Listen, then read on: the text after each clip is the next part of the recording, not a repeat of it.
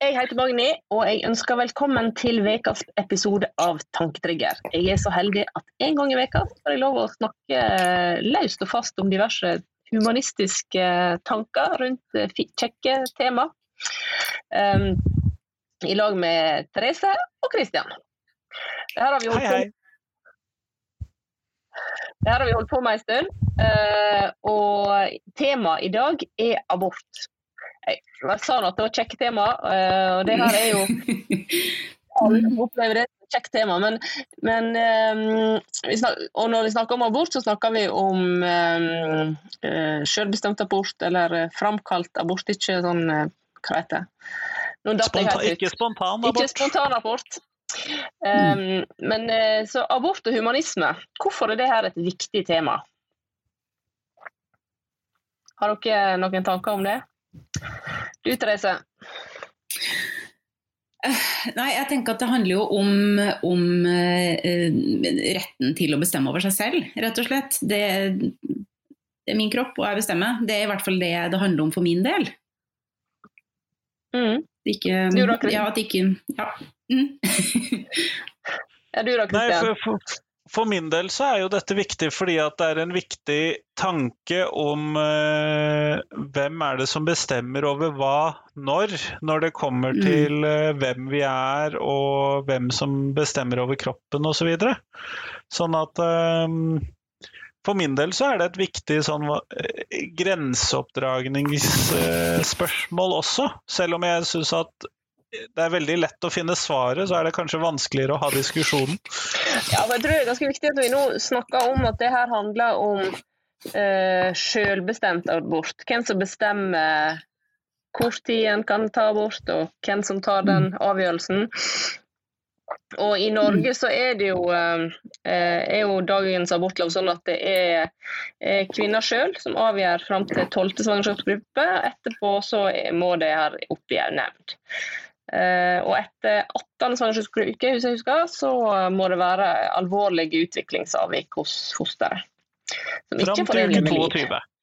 Ja, det er for, ja, det, ja. Og så um, um, så, men, men, det er jo mange som mener at uh, en ikke skal ta abort i det hele tatt. At, det er, at et foster er et liv, eller um, så her er mange sånne definisjonsspørsmål, og så er det mange sånne tru- og verdispørsmål. Ehm, men det som iallfall er sentralt for, for meg, og som jeg tror dere også er ganske enig i, er at det er enkelte mennesker sin rett til å bestemme over egen kropp og eget liv. Mm. Og da er det at det er et foster inni, inni meg, det er det jeg som bestemmer over. Det er ikke det mm. fosteret som bestemmer, og det er ikke noen andre enn meg som kan ta avgjørelse om det. Kan det være noen sånn avgrensing på, på temaet? Ja. ja. det tror jeg kan fungere som en avgrensning. Ja. Mm. Men er, har det vært altså, ja, hvorfor, ja, hvorfor, er det viktig, da? Altså, er ikke det sånn? Er ikke det sånn at vi eh, kan bestemme det her sjøl? Nei, det har det vel aldri vært. Nei, dessverre. Eh, det, det, er jo mange som skal mene noe om det. Eh, og om de ikke sier det direkte til den gravide, så, så er det jo noen eh, signaler som er ganske tydelige ute der om at det, det er ugreit. Og det kan jo legge noen føringer for å, hvilket valg man velger å ta. Da. For til syvende og sist så er det jo, hvis ikke jeg går til legen min og sier noe om det her, så kommer det jo ikke til å skje heller. ikke sant? Så det er jo helt uavhengig av hvem som mener noe. Men det kan mm. kanskje gjøre at jeg, ikke, at jeg ikke går da, til legen. Mm. Ja, for altså, hvis, du, hvis, du, går til legen og vil ha abort, og så sier han nei, det, sånn gjør ikke vi. Uh, mm. Så er det vel det vi vet fra, fra, før det her var en vanlig prosedyre, så var jo at det var folk gjorde hos eh, folk som ikke hadde den medisinske kompetansen mm. til å gjøre det her på en god måte. Sånn at de fikk skade på kvinnen. Ja. ja. Kleshengere, jeg veit ikke hva. Jeg får vondt av å bare tenke på det. Ja, nettopp. Uh, Sånn at, eh, men det er jo mange land der det her ikke er selvsagt. For oss er jo det faktisk selvsagt at uh, hvis du eh, ber om abort før, før vekthold, så er det det er jo bare en standard prosedyre. Mm. Hvor er det ikke er det, da? Polen har vel vært i litt hardt vær i det siste, sånn ut i, det store, ut i den store verden. Mm. De, de hadde De vedtok Jeg husker ikke, jeg føler hele det siste året nå har bare vært sånn koronafokus, men jeg lurer på om det ikke var noe Var det, var det i, i høst? Ja, eh, Polen har jo hatt en innstramming i høst, men det var jo ikke akkurat tillatt med abort eh, før Nei. det heller. Men det har jo ikke akkurat gjort det noe lettere, i hvert fall. Nå da. Nå, nå er det jo forbudt, er det ikke det? Ja, eh, nå er det helt forbudt. Før så var det eh, bare forbudt. Litt, litt forbudt. Ja, og så er det, det er jo bare to år siden det ble tillatt i Irland. Altså Det var 2018, Mm. tror jeg, at det irske parlamentet eh, vedtok at eh, det skulle være lov. Og har hatt liksom, Europas strengeste abortlov. Og jeg tenker at OK, nå er vi, nå er vi der. Og så kommer Polen og, Mhm. og uh, drar oss inn igjen i en helt annen Mm. tid, oppleves det som. Ja, det er jo sånn helt merkelig å tenke på at det i 2021, som vi nå er i, da, så, så er det fortsatt land i Europa der kleshenger og strikkepinner er et alternativ, og kanskje det eneste alternativet. Mm. Jeg syns det, helt- det er helt sykt å tenke på det. Det, ja, det er det, rett og slett. Det er, og, men det, det er liksom vanskelig for oss å skjønne hva er det som gjør at folk mener at dette her skal være helt greit. Eh, Mm. hva, hva er det som gjør at eh, folk mener at eh, abort ikke bør være tillatt?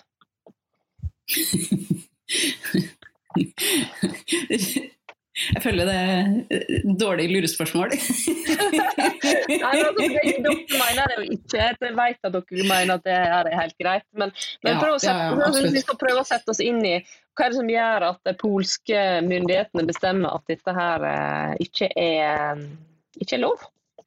Mm. Det er jo ikke fordi at det ikke er mulig. Nei. Nei da, det, det er jo ikke det. Nå er jo øh, Polen er vel et katolsk land. De er ganske Mm. religiøse. Um, Mm. så, så det er vel noen tanker der, da. Ja, i hvert fall staten. Ja. ja. Så det handler vel om at et foster er et liv uansett. Mm. ja. I religionens jeg abort. religionsnavn så er det vel sikkert det, da. Ja, jeg vet ikke om religionen sier noe om det, men, eh, men de tolker det iallfall sånn. Mm. Um, Ja da, eh, og den katolske kirken er jo veldig tydelig på dette og sier det at det er et liv uansett, noe de for så vidt har til felles med store deler av resten av verdens kristenhet. Men de har jo også, eh, også veldig tydelige på at det aldri er akseptert at, å gjøre det. Mm. Eh, Der er det jo forskjellige kristenheter, f.eks. Den norske kirke eh, har et litt mer nyansert syn på det, f.eks. mm. Men det er jo litt trist at det er lettere å finne land som har abort, og si dem, enn det er å så, eh, komme seg gjennom listen med de landene hvor det er forbudt. Mm. Mm. Ja, for jeg tenker at Man må jo se litt på hva det er egentlig Polen har bestemt nå, da, ved å si at det er absolutt forbudt. Uansett hvilken årsak. Fordi at Vi snakker jo ikke bare om at det er et svangerskap der man har oppdaga at det er avvik på fosteret. Det, det er ethvert svangerskap uavhengig av hvordan du har havna i den situasjonen. Så La oss si at du, du har blitt utsatt for en voldtekt. Så er du altså tvunget til å bære frem det livet, selv om det for enkelte kanskje for alltid vil være en påminnelse om den hendelsen man har blitt utsatt for. Ja, Det er ganske eller at en vet at fosteret ikke vil kunne leve utenfor magen. mm, Ja, ikke sant? Du må fullføre svangerskapet, som du vet at den ungen her har ikke utvikla lunge, f.eks. Mm. Men jeg føler det er et viktig spørsmål vi ikke har eh, duppet borti ennå. Nei, ja. eh, Som vi nesten må snakke om før vi kommer helt bort av abortlovene. ja. Det er med når blir et liv et liv? Hva er det et liv? Ja. Er, det, er det det spørsmålet? Ja. Det er det spørsmålet. Mm. Nei, vi- Men er, er et foster levende, da? Altså, hva er Hvor tid blir eh, Ja, er det, hvor tid blir et liv et liv? Hvor tid blir, blir eh, noe et hvor, tid blir celleklumpen et, men, et menneske? Du pleier jo alltid å si sånn eh, Jeg støtter meg på vitenskapen og det biologiske, Magnus. Nå kan jo jeg ta, også, ta litt ansvar der. For, for jeg tenker at et, et liv er et liv når det kan overleve eh, på utsida av mors mage. Um, mm. det, den magiske grensa der, er den 23 eller 24 uker? Det er klart det er fryktelig, fryktelig tidlig. Det er et veldig prematurt liv. Ja, altså, Men, tror jeg, er, jeg, tror ikke det er en sånn endelig grense. Jeg tror noen foster kan overleve altså, Jeg tror det er litt sånn vid grense, egentlig. Selv om mm. den er vel satt, satt på 22 uker eller noe sånt i Norge. Um, mm. De har flytta litt på den. Det, ja. Da jeg var gravid sist, var det 24, tror jeg. Men jeg syns jo, jo, det er vanskelig, fordi at uh, jeg har jo vært gravid selv tre ganger. Og, og jeg har jo kjent liv. mm. jeg har kjent liv veldig lenge før jeg har tenkt at det livet er levedyktig uten å befinne seg på innsida av meg, da. Mm. Det syns jeg jo gjør det veldig vanskelig. Ja, jeg er ganske enig i den der definisjonen din. Altså at lenge, hvis det kan greie seg på utsida, mm. så, så, er det greit. Men så lenge det ikke greier seg uten å være kobla til meg, så må jeg få lov til å bestemme. Men så har du en annen, en annen sak, er jo ja. at uh, du, har jo, du har jo foster som, ikke, som, som er fullbåren, men ikke levedyktig. Mm. Sånn at Man kan ikke bare forholde seg til antall uker i mors liv, uh, og at det er noe sånn endelig fasit. Uh, for, du har jo fullbårne barn som, som uh, ikke kommer til å overleve så mange timer etter fødsel, eller hvis de overlever fødsel i det hele tatt. Jeg mener mm. jo fortsatt at det er et liv. Ja, det er kjempevanskelig. Ja. ja. jeg, tror jo, jeg tror at hvis jeg hadde Ofte her er jo skikkelig fælt å tenke på, rett og slett. Men, men, la oss si at jeg hadde blitt gravid, og at jeg hadde uh, gått et fullbårent uh, Altså et, et, fullt svangerskap, da. Uh, og det barnet hadde dødd i magen min, så ville jeg jo ha tenkt at det, at det var et barn, og at det var et liv. Mm. Ja, det er forferdelig vanskelig å sette seg inn i når, når en ikke har opplevd det. sant? Uh, men Uh, og jeg tror ikke det er noen sånne endelige fasiter på det heller. Um, men jeg tror at når en skal prøve å diskutere det på et objektivt grunnlag, så er, så er det en definisjon med hva som greier seg utenfor magen, en, eh, en OK uh, tanke. Uh, og så er det jo mange liksom jeg vil jo òg tro at Så fort du blir gravid, så begynner du å tenke på, på det fosteret som, som et menneske. Eh, men det mm. betyr jo ikke at det fosteret er levedyktig. Eh, og det er mange som opplever å være gravid og, og miste det fosteret i løpet av svangerskapet, kanskje i løpet av de tre første månedene. Så likevel opplever tap av et liv og av et menneske. Mm. Um, så det der er forferdelig vanskelig uansett. ja, jeg vet ikke om man ja. Eh, jeg er litt flytende på dette. Jeg har vel eh, De gangene jeg har blitt bedt om å si en eller annen fast eh, uke, så har jeg sagt uke ti. Og det er fordi at det er det som føles mest komfortabelt for min del. Så kan jeg erkjenne at det er et potensial for liv, eller et liv allerede fra første stund. Uten at det forandrer på min mening om at det bør være eh, selvbestemt abort fram til et visst punkt. Mm. Eh, fordi, og det er en av de tingene jeg virkelig verdsetter med den norske loven, som er tredelt. Mm. Dette her med fram til uke 12, frem til uke 18, fram til uke 22. At man har en sånn, hva skal vi kalle det, forhandlingssituasjon hvor det er en glidende overgang. I begynnelsen så er det kvinnens rettigheter som settes i forsetet, og som nettopp av de argumentene som dere har kommet med fram til nå. Mm. eh, og så er det en glidende overgang hvor barnets eh, selvstendige væren da får mer å si gradvis. Så mm. jeg syns jo at den er en, kjempe, det er en kjempegod måte å gi begge individene rettigheter på. Ja, en gradvis innføring av rettigheter, akkurat som vi gjør at barn som er født, stadig mer får større rettigheter fram til de blir myndige. Mm. Mm. Ja, jeg er helt enig med deg. Jeg syns, jeg syns uh, den loven vi har i Norge i dag er veldig god. Uh, og det er, derfor, mm. det er derfor det oppleves så sterkt når noen prøver å rote med den. Mm. Men, men, jeg tenker Kristian, det du, det du, sier nå om den der gradvise selvstendige rettighetene, eller hvordan jeg skal si det. det. Det handler vel kanskje om sannsynligheten for levedyktighet utenfor livmora? Det gjorde jo ikke det en gang i tiden, da. Man har Nei. jo bare satt uke tolv uten å ha noe fornuftig grunnlag. Den er jo bare en sånn stikk fingeren i lufta, og så føl på hvor vinden blåser, og så setter vi et uh, uketall. Ja, det, Mm. jeg tror den har, den har vel litt sammenheng med, med um, Hvis du har passert de der tolv ukene, eh, så er det en større eller mindre sannsynlighet for spontanabort. Der er, der er noe der. Som, eh, det, er ikke, det er ikke helt ut av det blå. Og, så, og disse her med 22 uker, det har jo forandra seg. Altså, det har forandra den eh, eh, grensa for, for hvor, tid det, hvor tid det går ifra å være en abort til en tidlig fødsel. Eh, den har jo Mm. forandra seg.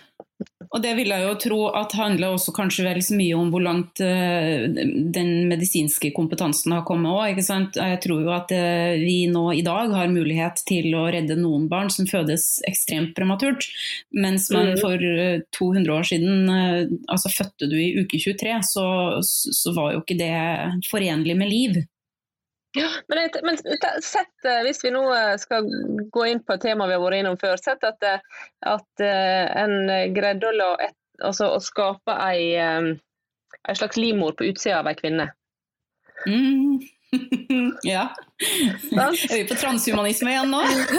Ja, men det, men det er jo på en måte det vi prøver på når vi prøver å ta vare på for tidlig fødte barn. Så prøver du også Du, kan, du legger jo ikke fostervann, på en måte, men, men ehm, ehm, du må nå prøve så godt du kan å, å gi eh, fosteret mulighet til å utvikle seg ferdig. For én ting som jeg er helt sikker på, er at eh, på en eller annen grense på uke her, så er ikke, så er ikke fosteret utvikla nok til å kunne, kunne leve uansett, på en måte. Mm. Ja. Men jeg da tenker jeg at du får eh, du eh, føder et barn i uke 14, da, og så putter du det inn i sånn der eh, medisinsk livmor. Å, nei, det kjenner jeg at blir Du kjente det ble feil? Ja. Ja, jeg kjente at det ble feil, men, men eh, det eh, kan jo være fordi at jeg ikke har vært i den situasjonen der det her engang har vært en, et alternativ. Eh, Mm. kanskje, kanskje hadde jeg tenkt på det som annerledes. Jeg vet ikke, For min del så har det vært en sånn magisk grense rundt den ordinære ultralyden når vi har fått vite kjønn og vi har tenkt på navn, og det plutselig er liksom faktisk et menneske inni der. Um, ja, og det, det er kanskje fælt å si det, da, men, eh, men jeg tror nok at det har vært en veldig sånn uh, realitetssjekk. Nå det her er barnet vårt, liksom. Det her er gutt eller jente. Vi tenker at han eller hun skal hete sånn og sånn. Eh, og før det så er du jo gravid, og du kjenner jo liv, og det er jo noen inne der. Men ville jeg ha gått for en eh, kunstig livmor i et laboratorie i uke 14? Jeg tror kanskje ikke det. ja, men eh, jeg visste Kanskje ikke kjønn. 22. Jeg hadde ikke navn før jeg kom ut. Nei da, nei, nei, og det, det er det jo mange som eh, eh, det er jo Ja, sånn sett, jeg Mm. tror at den eh, Det er den følelsen av å men, men etter den ultralyden, da har du sett hjernen. Ikke sant. Da har du sett hjertet. Altså, det er noe noe med det. Ja. Uh, og før så har du kanskje bare hørt hjertelyden, men jeg, for meg var det når jeg hørte hjertet som slo. Da var det et menneske. Mm. Men jeg tror at eh, den dagen vi kan ta eh, fosteret ut av magen, så vil nok det utfordre veldig mange abortlover. Da tror jeg nok det i seg selv vil skape en innstramming i Ja. abortlovgivningen veldig Mm. mange steder. Selv om man også kan være betenkelig til å si at, at hvis du da skal avskrive barnet, om det er mulig, så vil det jo være det at staten da faktisk overtar foreldreansvaret for det barnet, og det man eh, setter noen da i, rett på barnehjem idet de blir ferdig fremstilt. Ja, nå har du tenkt veldig langt, for det vil likevel være et genetisk opphav her. Eller har du tenkt at vi skal produsere sædceller og eggceller og sånn òg? Nei, det, jeg tenkte ikke så langt, men hvis man da ønsker å så fremdeles gjøre en abort selv om det er mulig å skulle sette Mm. noen inn i en kunstig livmor, Du tenker- du tenker det her-. Ja, du tenker det her som en mulighet til å fullføre et svangerskap som ikke er ønskelig? ja. Og det er Mm. jo Ja, det det vil være. Ja, for da Mm. adopterer du vekk ungen før han er født, på et vis. Veldig tidlig i stadium. ja. Eh, Men så er det jo ingen tvil jeg, jeg tror jo ikke at det ville vært noe debatt om norsk abortlov i noe særlig grad i år, hvis ikke det var for at eh, den nåværende regjeringen tuklet med abortloven tidligere. Mm. Så jeg tror jo ikke egentlig at det ville vært en stor diskusjon hvis ikke regjeringen la opp til det. Nei, det, det er jeg helt enig i. Eh, og jeg tror at vi har på en måte i veldig lang tid i Norge i alle fall tatt den loven litt for gitt. Eh, og, Mm. og det gjør jo òg at vi, vi ikke bryr oss like mye med at uh, greier ikke å sette oss inn i hvordan det er uh, hvordan det er trua i USA f.eks. Da driver disse delstatene og vedtar uh, at det ikke er lov med abort med jevne mellomrom, og så kommer Høyesterett og, og overprøver dem. Uh, Iallfall akkurat nå. Uh, så er det um, så det er en helt sånn realist... Sånn, det må være mye tettere på, på følelsene og livet til folk andre plasser. Og det er jo lettere for oss å sette oss inn i når vi har vært nødt til å tenke gjennom det. Eh, Men ellers så tror jeg vi har på en måte veldig mange år nå bare tatt eh, denne abortloven vår for gitt. Mm. Det store problemet i USA er jo at de ikke har noen abortlov. Det er jo det som er det st Ja. store tøysballet der.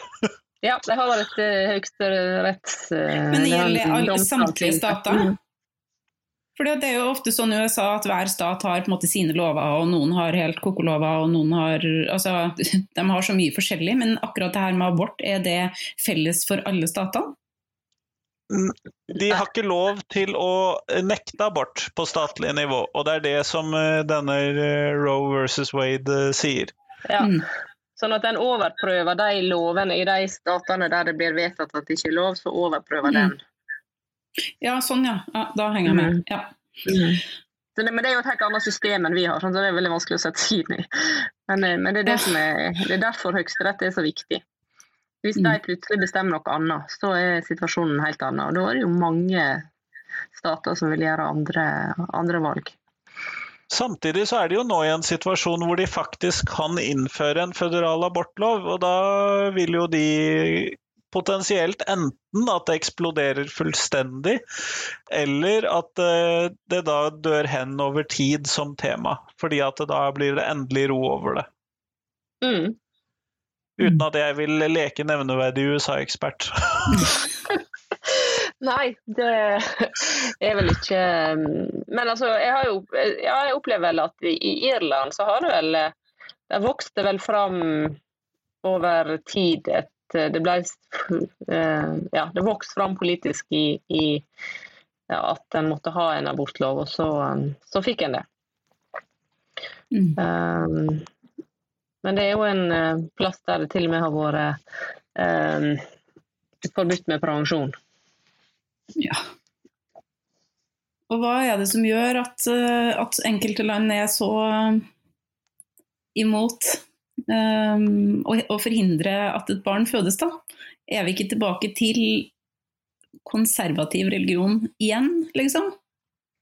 Jeg syns det er litt sånn gjenganger blant de landene som er mest uh, imot uh, prevensjon eller abort, at de er generelt mer religiøse enn mange andre. da.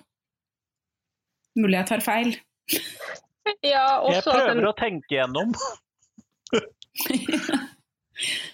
Nei, men hvis vi tar dem, dem vi har snakka om nå, da. Uh, Irland, Polen, til dels USA.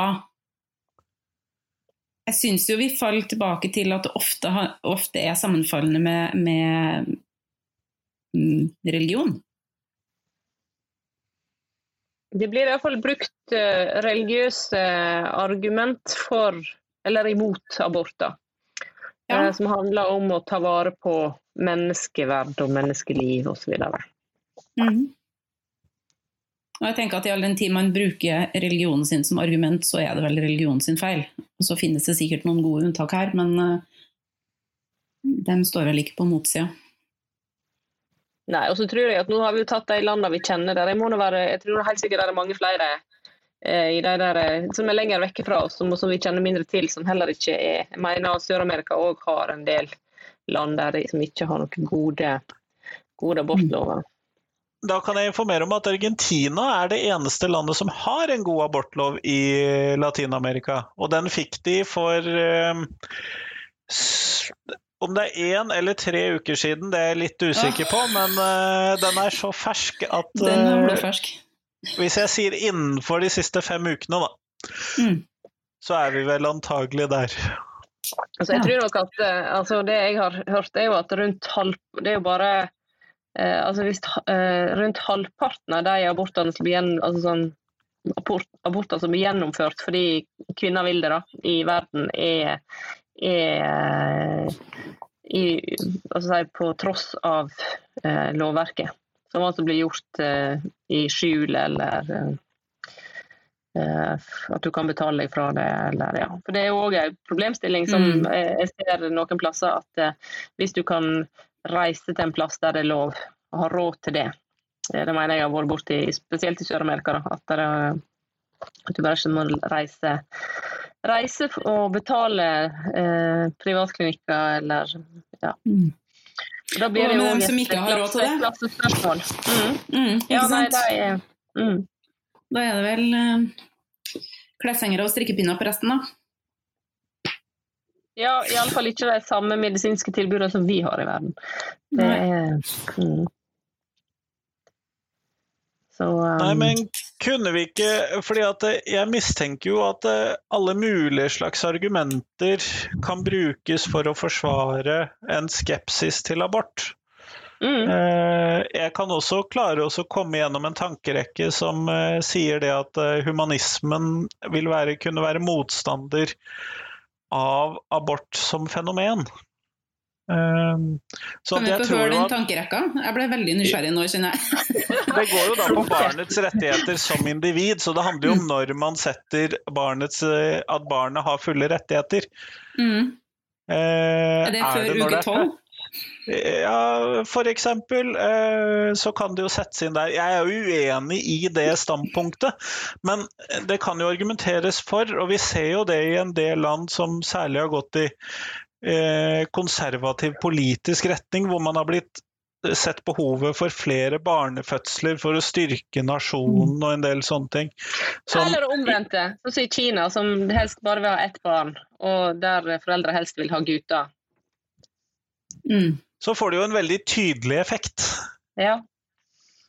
For jeg vet ikke, jeg, jeg kan som, jeg, Når jeg tenker meg om litt, så kan jeg være imot eh, senabort av kvinnelige, kvinnelige foster i, i Kina. Eh, men eh, Ja, det klarer jeg helt Ja. fint. Hva da? Prøve å finne et godt argument for å ikke eh, For å, for å la være å fjerne et friskt jentebarn, liksom, på bakgrunn av Ja. kjønn ene og alene. Altså Mhm. Hvis man ikke Hvis du klarer å finne gode argumenter for det, da er det noe gærent med. Altså, det mener jeg. Ja. Nei, men, det, men, det, er- ja, men det er jo mange som I Kina er det, et- det er en relevant problemstilling der, da. Mm, ja, absolutt. Ja. Ja. Så nei, Nei, det... her er forferdelig vanskelig. Um, men, og prevensjon har vi ikke snakket om helt. Det er også uh, den der retten til å bestemme at jeg ikke vil bli gravid. Den òg er jo helt uh, Det er jo, som jeg sier, en gave til kvinner. Uh, og gjør at du Og i mye større Og ja, mann. ja, da, men at du som kvinne i mye større Ja, men i mitt, i mitt, det vil jeg si at det er større gave til kvinner. fordi at det, det handler om at eh, du har, har um, mer kontroll over hva som skal skje med din egen kropp. Eh, og Det handler om å kunne nyte sex uten å være redd for konsekvensene. Uh, og det mener jeg det er ja, menneskerett, kanskje. Mm, kanskje. Ja, eh, og eh, ikke bare kanskje. Eh, det er en menneskerett. Eh, sånn at prevensjon og eh, trygg prevensjon er, er jo kanskje en del av spørsmålet òg her. Tilgang på Jeg tror, ja, jeg tror det er vanskelig å snakke om det ene og ikke det andre. Eh, Det, Konsekvensen er jo på en måte den samme. Mm. På sett og Og det som da selvfølgelig er aberet der, eller problemet der, det forsterkende problemet der, er jo det at de landene hvor som har strenge abortlover som nei, i stor grad nekter abort eh, til eh, kvinner, så er det også de landene hvor det er vanskeligst å få tak i prevensjon, eller få tak i Mm. sikker prevensjon, eller billig nok prevensjon, eller hvilket eh, adjektiv vi skal sette foran. Mm. Jeg mener å huske for noen år siden så var gateprisen for tre kondomer i eh, Venezuela var 200 dollar. Det var i en krisesituasjon, men eh, det er langt unna å kunne gå inn på gratiskondomer.no og så få bestilt seg eh, en pakke. Ja. Det, det har du helt rett i. Jeg tenkte jeg skulle skifte tema litt. Grann. Um, det, og det handler om Altså, i Norge så har vi eh, Har leger eh, mulighet til reservasjon mot abort. Ikke, av samvittighetsgrunner. Kan få samvittighetsfritak for å innvilge kvinner abort. Syns vi det er greit? Kristian, har du noe Eh, mener jeg syns? Ja, jeg mener masse om dette her. Ja. Men eh, jeg mener faktisk at det er helt greit at de har reservasjonsrett for det. Mm. Eh, og det er basert på det at de som har denne reservasjonsretten slik det er utformet i loven, det er de ansatte på gynekologisk avdeling som skal gjennomføre abort. Mm. De som faktisk skal gjøre det fysiske inngrepet, eller det å dele ut den medisinen som sørger for aborten, de har muligheten til å reservere seg mot det. Og så, må man, eh, så er det sykehusets ansvar å sørge for at det faktisk er nok ansatte på gynekologisk avdeling til at det ikke er et problem. Det er jeg helt for. Mm. Så er det den som faktisk var den striden for noen år siden, som var den her eh, samvittighetsfrihet eh, hvor en del leger nektet å skrive ut eh, prevensjonsmidler til kvinner. Eller nektet å ta dem med inn, eller snakke med dem om abort eh, på legekontorene sine. Mm. Ute på fastlegekontoret. Det Mm. er jeg strengt imot, og det er ikke fundert i norsk lov. Nei. Mens Nei, menn det går i butikken Kjempemye og mening. ja, men det, det er så urettferdig også at, eh, at eh, prevensjon for damer er potensielt så vanskelig å få tak i, mens menn kan gå på Kiwi og kjøpe brød, øl og kondomer og være liksom klar for helga. Mm. Kan jeg få lov til å bare si da at brød, øl og kondomer også funker for dere? Ja, det er klart. Det er klart. Men, men det, det kan jo være mange ulike relasjoner som eh, dama kanskje har et ønske om å bruke prevensjon, og mannen ikke har det. Mm. Men det, det er ikke det jeg synes er et større problem at det ikke finnes hormonell prevensjon for menn. Mm. Eh, fordi at jeg, jeg er jo helt sikker på at det går an å få til. Eh, et eller annet, jeg er helt sikker på at det går an å få til et eller annet medikament som gjør at sædcellene ikke er svømmedyktige, eller at de eh, ikke, ikke greier å trenge gjennom eggceller eller noe sånt. Det er bare ikke forska på. Det syns jeg er like altså det, det, er jo det er en av de tingene som gjør meg provosert. Altså. Fordi vi som kvinner kan eh, innta hormon. Um, Ja, men det har altfor mye bivirkninger for oss menn. ja, det, det varierer jo veldig da, fra kvinne til kvinne hvor mye bivirkninger det er. Eh, men for mange er, jo, er det jo store bivirkninger med, med det. Mens andre har eh, det blir liv med det. Ja. Mm. Ikke så store bivirkninger som å la være å ta det, vil jeg si. Nei, men jeg mener jo det at når argumentet for at man ikke ennå har godkjent disse mannlige hormonelle preparatene er at de har for mange bivirkninger, så opplever jeg jo at det er en litt hul argumentasjon når jeg ser på bivirkningslista til p-piller. Mm. Ja. Jeg gjør det. Ja, Der er altså blodpropp er ganske vanlig, f.eks. Mm. Mm. det har jeg hatt. ja. Og nedsatt sexlyst er òg en bivirkning. Altså, hva er da poenget? på en måte? Ja. Ja. det er jo veldig god prevensjon, da. Ja. Kanskje det hadde vært Ja. Defeats the purpose. Mm. Nei, eh, så, så jeg, og Vi snakket jo i forrige episode om dette med hva som provoserer oss. og Når noen ønsker å legge seg i veien for andres sexliv ved å peke på sin egen religion, sånn som man gjør med Mhm. tilgang til prevensjon, det gjør meg litt sliten, for å si det mildt. Jeg liker valget av ord. Blir sliten av det. Så sliten at du kan finne på å skrive et leserinnlegg, kanskje. Minst ett. ja. Ja, nei, men Det er vel ikke noe tvil om hva vi mener om de sakene her. og at vi faktisk, eh, Det er viktig å snakke om, og viktig å ikke ta den, eh, de rettighetene vi har på det området her i Norge for gitt. Eh, og jeg vet at vi alle tre har vært med på og si noe om at vi støtter kvinnene i Polen og den kampen mm. de har. Uh, og Det er jo ikke så mye vi kan gjøre med det, men, men det å, å, være med og si det høyt, det syns jeg, synes jeg er viktig. For det, mm. um, og det må vi bare fortsette med. Uh. Og hvis, får, hvis, jeg får muligheten til å, å, å mene noe om det i, i, andre land, eller være med og, og påvirke det, så mener jeg det er viktig at alle skal ha rett til både prevensjon og selvbestemt abort, og en abortlov som funker. Um, og Da finnes det masse gode eksempler på abortlover som fungerer ganske bra. Men vi har jo um, så jeg tenker vi skal gå over til ukas lytterspørsmål. Du, kan ikke jeg få lov til å stille bare et kort spørsmål før vi går dit? Ja, ja. Uh, fordi at Jeg kom til å tenke på sånn som rituell omskjæring f.eks. Hvordan er reservasjonsretten eller reservasjonsmuligheten der? Eh, den er faktisk tilstedeværende. Det er i hvert fall sånn at de sliter med å finne leger som vil gjøre det. Mm, for det også er jo problematisk, uh, tenker jeg, fordi at det, det fører til en, en, praksis at uh, folk gjør det hjemme i stua si. Da. De får en eller annen fyr til å komme og uh, ja, koke saksa på komfyren, og så gjør man det hele i, på stuebordet, liksom. Ja, men Tenker du at vi burde hatt en sånn omskjæringslov? for å sikre at omskjæring ble gjort i, eh, i, i um, medisinsk korrekte omgivelser. Ja, hvis det er medisinsk behov for det, så syns jeg jo ikke at det er problematisk i det hele tatt.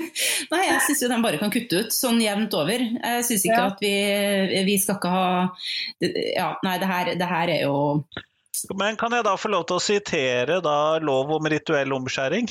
Ja, bare for å uh, være kjedelig og tørr. Ja, men det, uh, vi liker det. Eh, paragraf 4. Regionale helseforetak i henhold til helseforetaksloven paragraf 2 skal organisere spesialisthelsetjenesten slik at de som ønsker det innen, innen helseregionen, kan få utført rituell omskjæring av gutter på en forsvarlig måte. I den grad det ikke hindrer et forsvarlig tilbud, skal det tas hensyn til helsepersonell som av samvittighetsgrunner ikke ønsker å utføre eller assistere ved slike inngrep. Sitat mm. slutt. Ja. Mm. Ja. Så der lå den. Ja, og det er, det er, sikkert helt greit. Men jeg, men jeg, er litt sånn som Therese, jeg kan fortsatt ikke helt skjønne hvorfor vi skal drive med det her, men jeg er jo tross alt kvinne. Mm. Jeg har veldig lite, jeg skjønner veldig lite den der eh, Uh, omskjæringsgreia? Omskjæringsgreia. Altså, jeg er veldig klar over at jeg er veldig imot all omskjæring av, uh, av kvinner i den, sånn som det er i dag. Uh, praktisert mange plasser. Men akkurat den der gutegreia, er så mange argumenterer med renslighet og forskjellige ting. Men det er jo tull. Nei, det, vet jeg, det er det sikkert. Jeg tror det. Jeg tror kroppen Jeg tror vi gjennom Hva heter det? Mm evolusjonen har fiksa det sånn at den, den ja. tissen funker bra. Ja. Og hadde det ikke vært meninga at vi skulle være sånn, og det var til stor plage, så hadde vi vel ikke sett sånn ut, da. Men det her er jo en annen diskusjon. Det her har jo ikke noe med abort å gjøre. Jeg bare, jeg bare tenkte, jeg bare tenkte at liksom, hvordan stiller jeg meg hvis jeg hadde vært helsepersonell? Hvis jeg hadde vært lege og hadde fått en pasient inn på kontoret som hadde øh, ønska å, å ut, få utført en abort, så, så vi, det ville ikke falt meg inn og blanda mine egne tanker om det inn, inn, i den røra her i det hele tatt. Selvfølgelig skal jeg henvise deg til eh, sånn at du får nødvendig helsehjelp. Men det er jo nødvendig helsehjelp. Men så tenker jeg hvis det hadde kommet en pasient inn på kontoret mitt og sagt det er fint hvis du klipper av to centimeter, eller jeg vet ikke hvor mye de tar, av penisen til sønnen min, som er eh, fire dager gammel, så ville jeg tenkt sånn Nei, det, der går grensa faktisk. Ja, det og, det, og, det, er litt sånn utfordrende jeg tenker Det er liksom utfordrende tanke, da. ikke sant? At um, Der står vi plutselig på andre sida.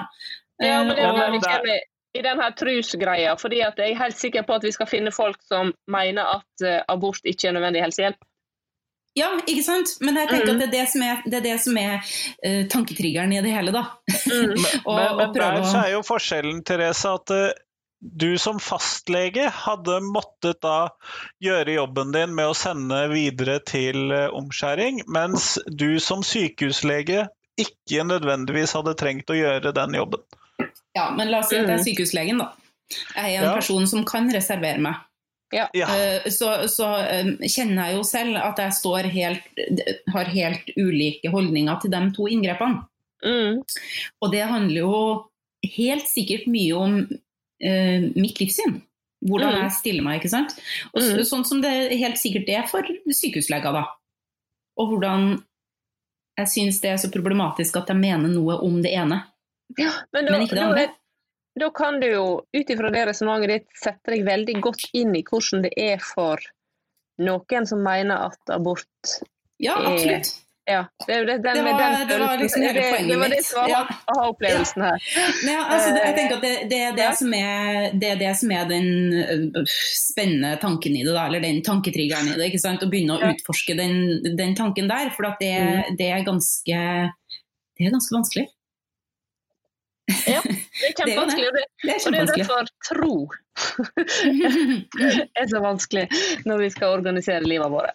Men da kom vi jo egentlig eh, til et interessant punkt eh, med den diskusjonen her om, om, abort. Så nå skal vi over til noe helt annet. Eh, som er ukas lytterspørsmål. Um, og spørsmålet er eh, hvorfor finnes det ingen vitser om humanister og ateister? Er vi for kjedelige? Og hvis det kommer masse sånn humanisthumor, ville vi blitt krenka og indignerte, eller ville vi blitt glad? Um, eller bør vi egentlig være krenka over at vi er så vanskelige å spøke med? det er et veldig morsomt spørsmål, og uh, ganske langt unna det vi har snakka om i dag. ja. Nei, hvorfor finnes det ikke noe vitser om oss? Det er vel ikke noe, vi har vel ikke noe spesielt uh, som uh, Vi utpeker oss ikke på noen spesiell måte, tror jeg. Jeg tror vi er litt for kjedelige. Vi, ja, vi har ikke noe som er hellig, det er ingenting å tulle ja. Ingen, ja. Vi har ikke noe som er hellig, rett og slett. Mm. Jo, samtidig, jeg har jo tidligere sagt det at det nærmeste man kommer noe hellig for min del, det er menneskerettighetene. Ja. Uh, nå er menneskerettighetene jævlig kjedelig å tulle med. Det er ikke noen gode vitser. Ja. Ja. Det, ja. det, er så saklig. Altså, det, det blir så saklig. Ja, nei, det ja, det, ja, nei, det, det, hadde kanskje ikke vært, det hadde kanskje ikke vært uh, noe gøy hvis man hadde tulla med menneskerettighetene. Jeg, når jeg tenker på det, så syns jeg ikke det høres noe gøy ut. Ikke tull med menneskerettighetene. Nei Men jeg er veldig åpen for at noen klarer å lage en god menneskerettighet-vits. Det er jeg skikkelig åpen for, men jeg vil gjerne jeg, jeg blir overrasket. Jeg frykter at det nærmeste vi på en måte kommer å, å krenke liksom menneskerettigheter når vi tuller, det, da er vi inn på litt sånn usmakelige rasistvitser og sånn, syns jeg. Uh, og det er jo ikke noe gøy. Uh, men jeg tror det skal være mulig å lage en parodi på en humanist. Tror du det? Ja, opptil flere parodier på humanister. Eh, ja, kanskje. Det er jo de som går rett inn i de akademiske forklaringene på absolutt alt og skal se alt fra alle sider osv. Kristian! eh, og så um, Det var faktisk ikke Kristian jeg tenkte på. Um, uh, og så har du, har du, de som skal, helst ikke skal ha noe innblanding i sin egen religion. Mm. det. Kristian, det. Nei da, nå hørte jeg Therese. ja. Mm. Jeg blir ikke krenka, så det går bra. og så er det de som absolutt ikke tror på noe overnaturlig. Uh, mm. Det er vel mer meg. Ja. Uh, Kanskje vi kan få noen av våre lyttere til å lage noen morsomme vitser om oss. og så får vi testa ut om vi blir krenka eller ikke. Men, Ja. men jeg, jeg tror ikke Altså, jeg tror ikke jeg hadde blitt krenka av har, Vi har jo, mm, Etter at vi fikk inn det spørsmålet her, så har vi jo prøvd å leite litt etter humanistvitser. Og Christian klarte jo å spore opp et par av dem. Det var jo det var jo et forsøk på humor, men det var jo bare rett og slett ikke morsomt. Altså, vi, vi ble ikke krenka, det bare var ikke morsomt. Det kan jo hende at de som ikke er humanister syns det er kjempemorsomt, bare at vi ikke ser det. Ja, altså det var, Christian, har ikke, har ikke du Har ikke du en av dem for hånda nå, så, så kan vi bare hive det ut der, og så får kanskje noen ja, ikke sant? Ser vi om det er kanskje noen som syns at det her er gøy, da. Det er bare, jeg syns det var så knusktørt. Det var liksom sånn, det var ikke å, ha-ha en gang. Det var ingenting. Nei, og det er jo fryktelig kjedelige vitser, og da skal jeg sitere fra den som da ble kåret til den morsomste eller beste Ja. ateistvitsen i en kåring. Og for de som har lyst, så kan de lete seg tilbake i Fri tanke sine arkiver. Og da er vitsen hvorfor kan ikke humanister skaffe seg jobb utenfor Ring 1? Fordi mennesket skal alltid være i sentrum. Ja. Og dette var det punktet i programmet hvor vi ikke lå. Ikke sant? Det, det her var vinneren. Er ikke det trist? Altså Men eh, det er en vits hvor folk prøver seg på Eller som eh, biskopen i Bjørgvin drar på meg hver gang han treffer meg, og jeg har begynt å oppfatte det enten som en vits eller en litt sånn skjult fornærmelse. En av to. Det er gøy. Eh, Jeg får høre. nei, navnet mitt.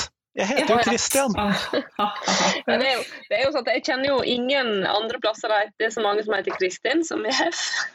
Jeg kjenner iallfall sånn sju-åtte, kanskje, som heter Kristin. Ja. Nei, jeg tror kanskje ikke navnet liksom avgjør personens uh, trostilhørighet i våre dager. Men uh, ja. Og jeg blir heller ikke fornærmet, sånn at uh, det er greit. ja. Jeg skulle ønske at det fantes flere vitser om oss. Um, men jeg tror kanskje vi er for kjedelige. Og jeg, og jeg tror heller ikke at vi hadde blitt spesielt krenka over det. Um, men, men det igjen kan jo være mine tanker om uh, hvor utrolig tolerante og morsomme og fine mennesker humanister er. Så jeg tenker at vi blir jo ikke Det tåler vi, det er bare gøy, og vi, vi har, uh, har da nok selvinnsikt til å, å ta den. Ja. Ja. Det tror jeg helt sikkert. Vi får uh, utfordre noen komikere og se om de kunne ha, kanskje ha hosta opp noe, noe morsomt. Ja, vi har jo, noe, vi har jo en, en relativt nybakt uh, vigsler. Som er skuespiller og standup-komiker. Ja, kanskje vi skulle invitert han til å være med. Ja, kanskje det. Lag noen gode humanistvitser til oss. Um, ellers så har jo som sagt våre lyttere må veldig gjerne lage en vits uh, på vår bekostning. Det- Og så får vi se da om vi blir krenka. Det er dagens uh, siste utfordring. Uh, vi er jo veldig spent på om det er noen lyttere der ute. Uh, Ja. Og vi vet det er, er sikkert noen som vi kjenner, i alle fall. Og så håper vi at det dukker opp noen flere, at det er noen vi ikke kjenner der ute. Um, men de som um, Vi vet jo veldig lite om våre lyttere. Men de som, av lytterne våre som vil finne ut mer om oss eller ta kontakt, så er det Therese, kan du dra Dra oss gjennom det. Ja. Vi har eh, selvfølgelig en Instagram-profil. Um, der heter vi Tanketrigger. Der eh, deler vi eh, episodene våre når de legges ut. Og så legger vi ut noen sånne ukentlige tanketriggere som, som havner i storyen vår. Så der kan du svare helt anonymt. Um, ja, vi ser jo hvem det er, men, men vi deler det anonymt. Eh, Så det, det er dere veldig velkommen til å, å svare på. Og så har vi en Facebook-side der vi også heter Tanketrigger. Der går det an å enten svare oss i kommentarfeltet vårt, eh, eller sende oss en messengermelding hvis du lurer på noe. Og så har vi en mailadresse som heter tanketrigger at gmail.com. Og der er du også hjertelig velkommen til å sende oss spørsmål eller eh, dilemma eller tanketriggere eller hva som helst. Eller si fra hvis det er noe vi har snakka om som kan tolkes på flere måter, sånn som i forrige uke. Så Det er bare å ta kontakt, i hvert fall. Vi syns det er veldig, veldig hyggelig. Eh, Ja.